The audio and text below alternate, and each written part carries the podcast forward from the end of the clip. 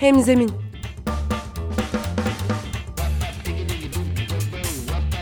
Daha iyi bir sosyal fayda iletişimi için fikirler, tartışmalar, örnekler.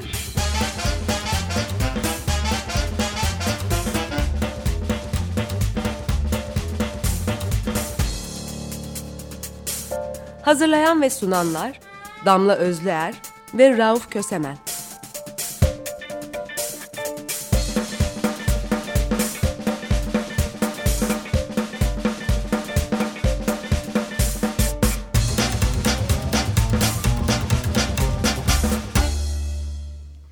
Herkese merhaba. Açık Radyo'da hemzemindesiniz ve bu haftaki başlığımız araştırıyoruz da konuşuyoruz ya da sivil toplum iletişiminde araştırmanın, verinin ve analizinin yeri. İki tane konuğumuz var. Yaşama Dair Vakıf'tan Mehmet Ali Çalışkan ve Ulaş Tol bizlerle beraber. Hoş geldiniz. Hoş bulduk. Merhaba. Ben hemen ilk soruyla başlayayım. E, sivil toplum iletişimlerine baktığımız zaman özellikle Türkiye'de yapılan projelerin iletişimlerine baktığımız zaman daha çok içgüdüsel bir e, davranış modeli görüyoruz. Araştırma ve veriye çok fazla önem verilmediği hissediliyor dışarıdan. Neden gerekli araştırma? Başlığımızda güzel durmasının yanı sıra. Tabii bizler araştırmacıyız bir kere araştırma. Gerekli. E, her alanda gerekli. Ama sivil toplum içinde şöyle e, önemli olduğunun altını çizebiliriz. E, sivil toplum ya da sosyal fayda iletişimi e, hedefleyenler aslında bir doğrunun peşinde olurlar. Dolayısıyla bir doğru e, ve bir mesele tarif etmeye ihtiyaç duyarlar. E, bunun için bir kere bir keşfedici, anlamaya yönelik e, bilgiyle ile, e, dolayım kurmaları gerekir. Bir doğru ee, derken aslında burada bir dönüşümden bahsediyoruz. Bir kendi belirledikleri bir doğruya doğru bir dönüşüm için önce tabii, durumu... kendi meseleleri etrafında bir doğru tanımlarlar. Hı hı. Ya bu doğru mutlak doğru anlamında değil ama kendi doğruları vardır ve bu doğruları bir dönüşüm için e, hegemonik kılmaya çalışırlar. E, bu yüzden de bir kere bir anlamaya ihtiyaçları vardır. Meselelerini, meselelerinin bulunduğu bağlama anlamaya, e, daha sonra takip etmeye, etkilerini gözlemlemeye ihtiyaçları vardır. Birincisi bu. Ee, ikincisi de e, doğruya sahip olmak yetmez. Ee, sizin doğru söylüyor olmanız ya da doğru söylüyor olduğunuzu hissediyor olmanız e, yeterli olmaz. Bunun etkili olabilmesi için öncelikle bu, bu sizin meselenizden etkilenen et, en çok etkilenenlerden başlamak üzere karar verici, vericilerde, onları etkileyen kesimlerde, daha geniş kesimlerde bir ikna örgütlemeniz gerekir. Bu ikna için de yine e, bilgiye ihtiyaç var. E, çünkü biliyorsunuz başka araştırmalarda hep e, Türkiye için bunun altını çizer. Türkiye güven endeksi düşük bir toplum. E, insanlar özellikle tanımadıkları kimselerin söylediklerine e, sırf o söylüyor diye inanmazlar. Onları ikna etmek için e, güvenilir, credible e, bir başka araca ihtiyaç vardır ki bilgide e, ya da yer yer veri, veriyi kapsayan e, başka bilgi dolayımları da bu ikna aracının önemli bir aracıdır diyebiliriz. Bu durumu tanımak dediğimiz şeyde aslında önemli bir nokta daha var. Ee, bizim genellikle gördüğümüz refleks e, o alanda çalışıyorsak eğer herhangi bir mesela kadın meselesi üzerine ya da e, başka bir mesele üzerine çalışıyorsak Hüdayin abi bizim o alanı bildiğimiz e, hissi. Ama bu pek hissi kable vuku değil değil mi? Aslında biz bilmiyor olabiliriz gerçekten ne tür dinamiklerin oynadığını. Ee, Ya ola, olabiliriz. E, zaten de genellikle bildiğimiz şey, bilebileceğimiz şeyin aslında bir parçasıdır. Aslında bildiğimiz şey bir sivil toplum kuruluşu ya da sosyal fayda açısından da düşünürsek e, bilmeyi tercih ettiğimiz şeydir de aynı zamanda. Dolayısıyla hani Ulaş'ın söylediği yerden belki bir şey eklemek mümkün olabilir oraya. Kendi bildiğimizi e, kendimiz için doğru saydığımız kadar kendi bildiğimizi herkes için de doğru saymak gibi eğilimimiz olur. Şimdi öyle olunca sivil toplum kuruluşları genellikle kendi bildiklerini e, bilginin sınırları olarak görme ve e, kendi doğrularını da bütün doğruları kapsayan büyük doğru olarak e, tayin etme konusunda bir eğilime girebiliyorlar. Oysa bunun hem kendi bilgimizin geçerliliğini ve her toplumsal bağlamda yeniden e, o bilginin e, yeniden kullanışlı hale getirilebilirliğini sağlayabilmek için kendi bilgimizi o büyük bilginin içerisinde test edebilmeye, sınamaya ihtiyacımız olur. Kendi yaşadığımız evrenin daha e, ötesine geçen bir alandaki daha e, onu kapsayan, onu da içinde barındıran e, alanda sınamaya ihtiyacımız olur. Böylelikle hem kendi bilgimizi yeniden gözden geçirme fırsatı bulabiliriz hem de yeni öğrendiklerimizi kendi doğrularımız ekseninde yeniden bilgiye çevirip başkalarını ikna edecek bir araca dönüştürebiliriz. Nitekim sivil toplum kuruluşlarının esas e, fonksiyonu e, toplumun kanaatlerini kendi meseleleri etrafında önermeleriyle etkilemektir ya da kamu yönetiminin kararlarını etkilemektir. Şimdi hem kamu yönetimi karar verirken hem de toplum kanaatlerini gözden geçirirken sivil toplum kuruluşlarının onlara söylediklerini de kendi doğrularını da süzgecinden geçirirler. Dolayısıyla bu bir karşılıklı test sınanma anıdır. Dolayısıyla gerilimli bir e, andır. Eğer sivil toplum kuruluşları oraya yönelik önermelerini kendili, kendiliğinden doğru varsaydıkları ve bilgiyle sınanmamış, bilgiyle gerçi, e, bilgiyle ne diyeyim e, örülmemiş bir doğru olarak oraya koyarlarsa bu hem toplumun kanaatleri açısından ikna edici olmaz hem de kamu yönetiminin kararlarını etkilemede çok zayıf kalabilir sadece mesajın iletişimiyle ilgili değil özellikle bizim iletişimciler olarak e, hep anlattığımız bir e, durum vardır. Kurum iletişimi yaparken üç tane gerçeklikten bahsederiz. Bir var olan gerçeklikten bahsederiz. Bir algılanan gerçeklikten bahsederiz. Bir de kurumun kendisinin zannettiği ya da vehmettiği gerçeklikten bahsederiz.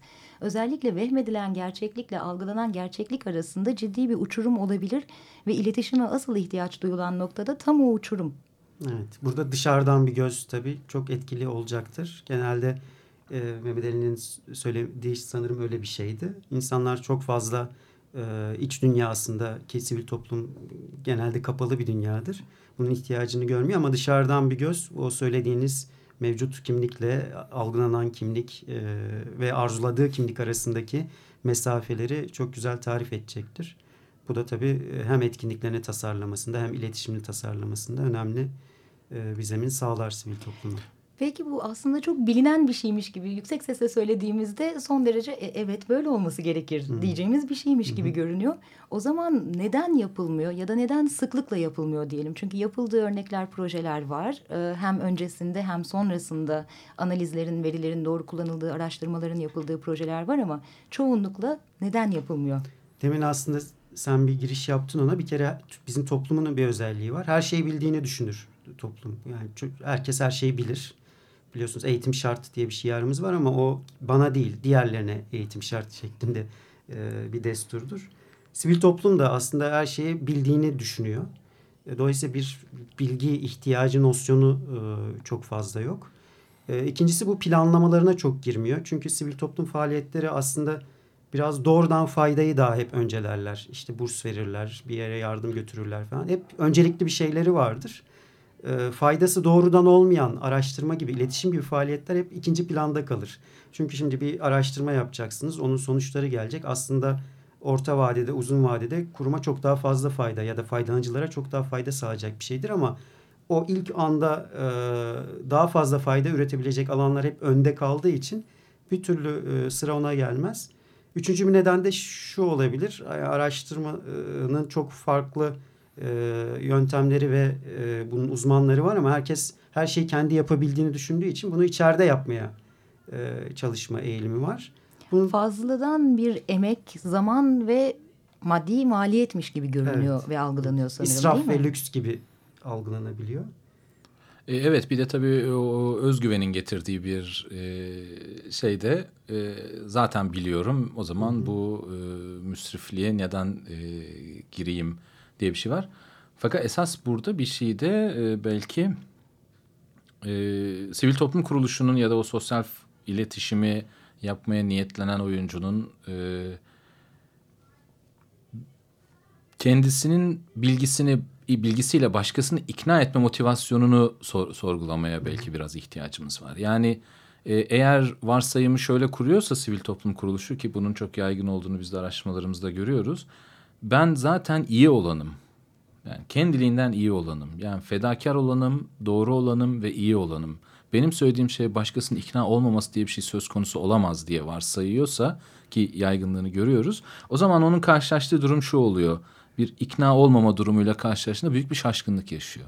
Nasıl olur da benim bu mükemmel önermem, benim bu doğrum başkasını ve, ikna etmiyor diye ve bakıyor. Ve bunu bu kadar mesela. fedakarca ben yapıyorken hiçbir evet. kar ya da e, fayda beklemeden. Evet. O zaman da şu çıkıyor karşımıza. Hem kendi alanına ilişkin bilgisinin e, sınırlılığını görüyoruz ama hem de seslendiği yerlerin, toplumsal kesimlerin, toplumsal işte diğer e, figürlerin e, kendi doğrusuna nasıl ikna olacağına dair bir bilgi eksikliği görüyoruz. Yani kendi meselesini tanımakla ilgili ihtiyacı kadar sesleneceği yerin dünyasını tanımaya da ihtiyacı e, olduğunu görüyoruz. Oysa aslında araştırmanın ürettiği bilgi bir sivil toplum kuruluşu için hem kendi meselesine ilişkin onun bilgisini derinleştirmeye dönüktür hem de orada üretilmiş bilgiyi mesaja dönüştürdüğü vakit mesajın gittiği yerin o mesajı nasıl alacağına ilişkin bir bilgi de e, ona sunar. Dolayısıyla aslında sivil toplum kuruluşları için ya da sosyal fayda açısından baktığımız vakit araştırmanın kendisine indirgenmeyecek bir şekilde bilgi değerli bir şeydir. Yani araştırma onu sağlayacak bir araçtır aslında sadece. Şimdi tam cümle içinde kısacık geçti ama önemli bir vurgu daha var burada. Sosyal fayda iletişimi dediğimiz zaman sadece sivil toplum kuruluşlarının yaptığı iletişimlerden değil, aynı zamanda kurumların ya da kamunun yaptığı sosyal fayda yaratmaya dönük bir takım projelerin iletişimlerinden de bahsediyoruz. Diyelim ki sivil toplum bu alanda biraz daha çekinik davranıyor kurumlar e, sosyal fayda projelerinde araştırmayla ne kadar hemhal oluyorlar? E, kurumlar da, derken herhalde şirketleri ve kamu yönetimini evet. e, kastediyor olabiliriz burada. E, yani kamu yönetimi açısından sosyal olmayan bir faydadan zaten söz edemeyiz. Doğal e, Dolayısıyla kamu yönetiminin sosyal fayda üretiyorum diye bir propaganda yapmasının, bunu iletişime çevirmesinin e, yani hayatımızda yeni yeni karşılığı olmaya başlayan bir şey bu. Ama e, onları mesela daha aktif görüyoruz bu konuda. Bu konudaki en aktif olanlar tabii şirketler. Şirketler sosyal fayda iletişimi konusunda giderek e, performanslarını arttırıyorlar gördüğümüz kadarıyla. Onun arkasında temel motivasyon şu olabilir. Yani şirketlerin asli misyonları sosyal fayda üretmek değil. Sosyal fayda üretmek şirketlerin asli misyonlarının yanı sıra yaptıkları bir e, bir iyilik faaliyeti gibi karşımıza çıkıyor.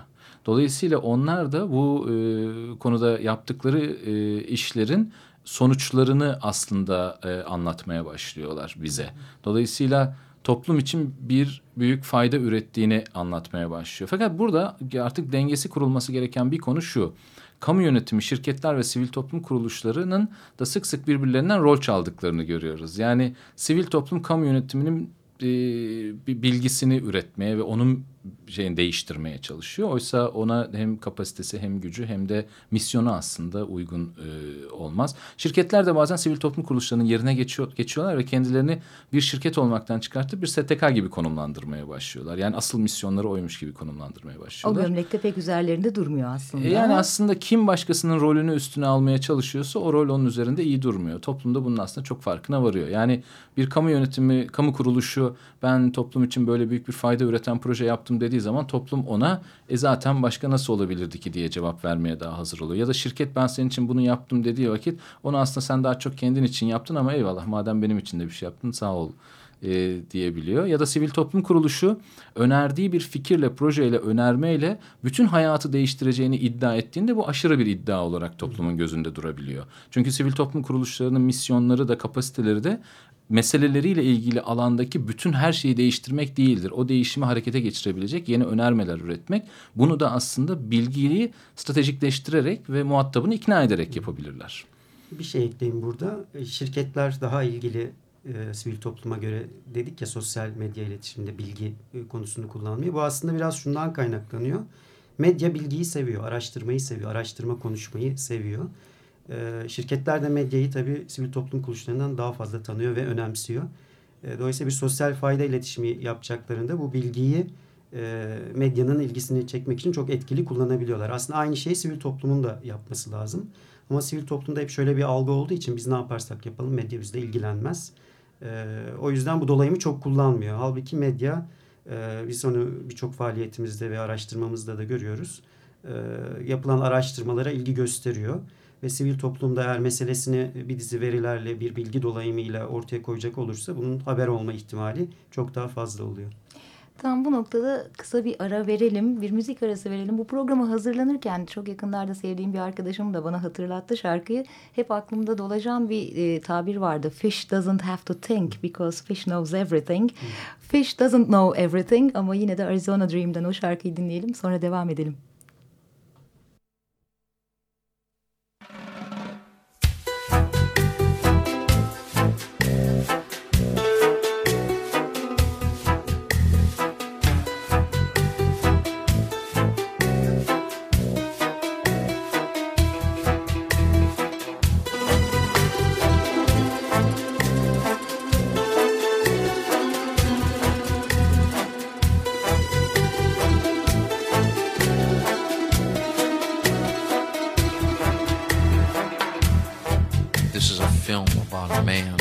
Fish.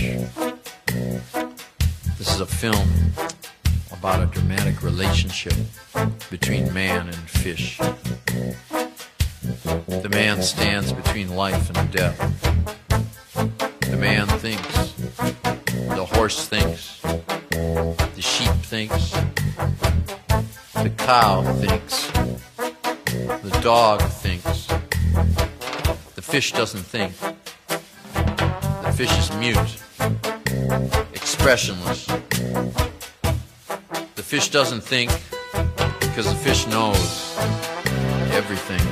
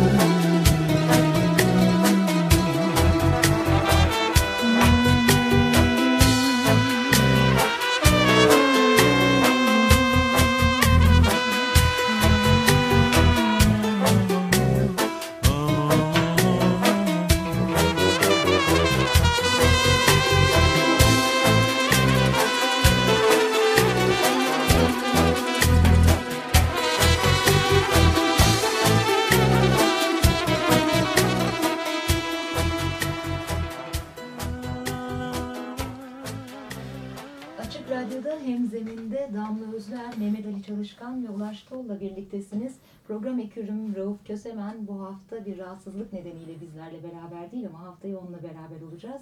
Ne konuşuyoruz? Sivil toplum ve sosyal fayda iletişiminde analiz ve verinin yerini konuşuyorduk. Neden yapılmıyor, neden gerekli üzerine konuştuk. Biraz da nasıl yapılmalı üzerine konuşalım. Ulaş. Ee, bir kere araştırmada bir uzmanlık. Ee, bizim toplumumuz demin konuştuk her şeyi bildiğini düşünür. Ee, herkes de kendinin araştırmacı olduğunu da düşünüyor.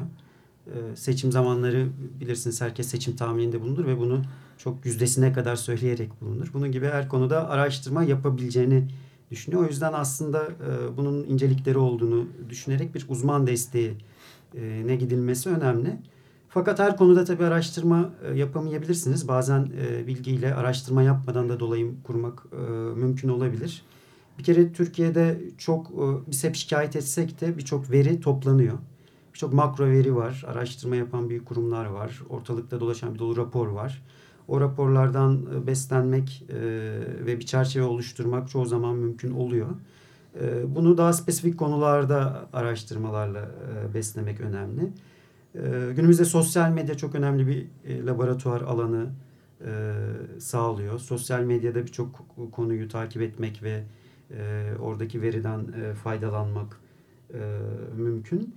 Bir de şunu e, söyleyebilirim. E, bilgiye bir e, böyle çok scientific bir şeymiş gibi yaklaşmak her zaman doğru değil. Yani bazen bir miktar bilmek de adım atmak için yeterli olabiliyor. Dolayısıyla yani bir şeyin bilgisini ararken böyle yüzde yüz e, bir e, deney e, oluşturuyor gibi e, en doğru şeyi e, bulmaya çalışmak özellikle toplumsal araştırmalarda çok gerekli değil. Zaten toplum dinamik bir şey o değişecektir. Dolayısıyla yaklaşık bir bilgi de e, birçok stratejiyi kurmak için e, şey sağlar. Yani bazen yarısını bilmek bile bir adım atmak için önemli bir e, alanda. E, Projeyi kurgularken de, projeyi hayata geçirdikten sonra da iletişimini yaparken de aslında nerede ihtiyacımız var veriye ve doğru analize diye baktığımız zaman birincisi öncesinde ihtiyacımız var, alanda ne var ve biz neyi dönüştüreceğiz daha iyi anlamak için. Ama aynı zamanda özellikle de son dönemlerde yükselen bir e, tartışma konusu da etki analizi raporları, etki analizinin iyi yapılabilmesi, gerekli yerlerin düzeltilebilmesi öyle değil mi? Ee, öyle ama onu biraz daha öne de çekmek gerekir diye e, belki bakılabilir. Şöyle, şimdi aslında sivil toplum kuruluşları ya da yine sosyal fayda diye genişleterek söyleyecek olursak bir mesele, bir toplumsal ya da çevresel meseleyi kendilerine konu ed ed ediniyorlar. E, bu konuyu kendileri için olduğu kadar başkaları içerisinde içinde konu haline getirmeye çalışıyorlar. Bir kere bilgi yani burada kullanıyoruz. Sonra da bir performans gösteriyorlar. Yani orada e, o meseleyi tarif ettikten sonra tarif ettikleri durumu değiştirecekleri bir eylem planı e, o, geliştiriyorlar ve bu eylemleri hayata geçiriyorlar. Sonra da bu eylemlerin yarattığı etkinin ne olduğunu anlamaya ihtiyaç duyuyorlar. Çünkü problem başladığımız yerde duruyor mu, değişmiş mi, derinleşmiş mi bizim faaliyetimizle yoksa zayıflatılmış mı e, mesele diye bakıyoruz. Fakat burada şöyle bir şeyin olması lazım. Bizim projemiz tarihin başladığı moment değildir. Zaten meseleyi oraya getiren başka eylemler ve onların yarattığı başka etkiler vardır. Onun için aslında her araştırma bir tür etki analizidir. Yani biz bir meseleyi anlamak için de araştırma yaptığımızda o meseleyi biz bir faaliyeti hayata geçirmeden önce kendi faaliyetini hayata geçirmiş olanların ne kadar etkilediğini anlamak için araştırma yaparız. Mesela aksine projeler bittiği an etki analizi yapmaya çalışırlar bazen. Bu çok uygun değil. Çünkü etki Tabii. dediğimiz şey bir sürece yayılan bir şey. Belki yıllar sonra e, gözlememiz gereken bir şey. O yüzden o tarihsellik evet. e, önemli. Evet yani düşünün işte e, ağaç dikme projeleri malum memleketin çok sevilen yaygın projeleri. E, bin tane ağaç dikeceğim diye kendine hedef koyup ortaya çıkan bir proje bir, bir senenin sonunda bin ağaç dikmiş sonra da bin ağaç diktim diye etki analizimde çok başarılı oldu. Çünkü ortaya gittim baktım bin tane ağaç var diye oradan çekip giderse iki sene sonra orada 850 ağacın kuruduğu e, gerçeğini de ortaya koyamamış olur. Onu ancak bir başka proje. Yani bunu bütün alanlar için düşünebilirsiniz. Bu aynı zamanda iletişim için de önemli bir e, ipucu veriyor bize. Çünkü bir fikri zihne ektiysek ekme sırasındaki farkındalığı iyi becermiş olabiliriz ama ondan sonra onun neye dönüşeceğini de takip etmemiz gerekecek. Özellikle de sosyal fayda iletişimi yapıyorsak daha uzun vadeli dönüşümlerden bahsediyorsak. Fayda zaten uzun erimli bir mesele olmalı. Peki alanda gördüğünüz ne? İyi örnekler var mı yoksa bu daha henüz emeklemeye başlamış bir süreç mi? Yani bizim e, bilgiyle tecrübemiz Türkiye sivil toplum dünyası açısından bakarsak e, çeşitli e, elit diyelim kuruluşlar için çok yeni bir tecrübe sayılmaz. Ama Türkiye sivil toplum dünyası çok dinamik bir dünya, çok büyüyor. Yüz bin üzerinde dernek vakıf var artık Türkiye'de ve bunların önemli bir kısmı hayata projeler geçiriyor, işler geçiriyor vesaire vesaire filan. Onun için bizim bilgiyle ilişkimiz böyle bir yani Türkiye'nin bu yeni fotoğrafı içinde bakarsak çok yeni bir tecrübe. Dolayısıyla şimdi çok sayılara indirgenmiş bir dönemden geçtiğimizi, evet. dolayısıyla orada emeklediğimizi söyleyebiliriz. Araştırma çok sayıdan ibaret bir alan olarak görülüyor. Oysa bilgi sayının ötesinde bir şeydir. Hatta onun daha niteliksel yorumlanmasını da e, gerektiriyor. Tam da zaten bu noktada bir sorun var benim. Bir yandan da bu kadar çok verinin içinde boğulmadan doğru analiz nasıl yapılmalı? Ya bu kadar çok veri olduğunu söyleyemeyiz aslında. Yani çok konu var. Dolayısıyla çok da veri var. Yani her konunun e, verileri kendi içerisinde değerlendirilebilir. E, doğru analiz derken herhalde bağlamına oturtarak e, yapmak önemli. Yani bir bağlam içerisinde onu değerlendirmek önemli. Meseleyi tarif etmek önemli. Eğer hani proje dünyasını düşünüyorsak hedefleri belirlemek, onun göstergelerini iyi tanımlamak, niteliksel ya da niceliksel göstergeleri iyi tanımlamak önemli ve onun içerisinde analizi yapmak e, önemli ve analizi de böyle işte yine demin söylediğim gibi sayıların e, içerisinde kaybolmadan anlamlandırma dünyası içerisinde yaptığınızda. Yani bu ne bunun e, e oturduğu kontekste ne anlama geldiği e, işte meseleleri hedef grup açısından ne gibi e, dolayımları olduğunu düşündüğünüzde belki değerli olur. Galiba genelde en çok ihtiyacımız olan şey bağlama oturtmak oluyor. Neden sonuç ilişkisiyle ilgili bir genel problemle de karşılaşabiliyoruz. Tabii bu, bu en önemli şeylerden bir tanesi. Ee, yoksa bir e, sivil toplum alanında bir özne ya da kamu yönetiminde ya da şirketler dünyasında bir özne bütün dünyayı kendi bulunduğu yerden ibaret zannedebiliyor ve onunla açıklamaya, onu değiştirdiği zaman da bütün dünyayı değiştirebileceğini varsaymaya başlayabiliyor. Oysa e, ele aldığımız her konu aslında o konunun kendisini aşan bir toplumsal ve çevresel bağlamın içerisine oturuyor. Bu bağlamı e, iyi analiz edebilmek, e, yaratacağınız etkiyi de iyi hesap edebilmenin imkanlarını getiriyor. Daha sonra da etkinin yönetilmesi diye başka bir konu var ki başlı başına bir 30 dakika gerektiriyor. Başlı başına bir program olacak. Mehmet Ali Ulaş çok teşekkürler. Hem zemine hem hoş geldiniz hem tekrar görüşmek üzere diyorum. Hem zemin bu haftalık sona eriyor. Haftaya tekrar ve bu kez Rauf Kösemen'le birlikte görüşmek üzere. Herhangi bir sorunuz için bilgi.hemzemin.org'a yazabilirsiniz. Hoşçakalın. Desteği için Açık Radyo dinleyicisi Sinem Kaplan'a teşekkür ederiz. Hemzemin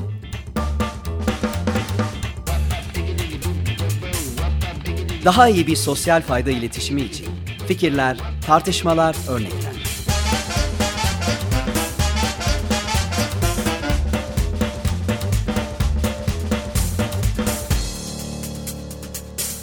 Hazırlayan ve sunanlar Damla Özlüer ve Rauf Kösemen.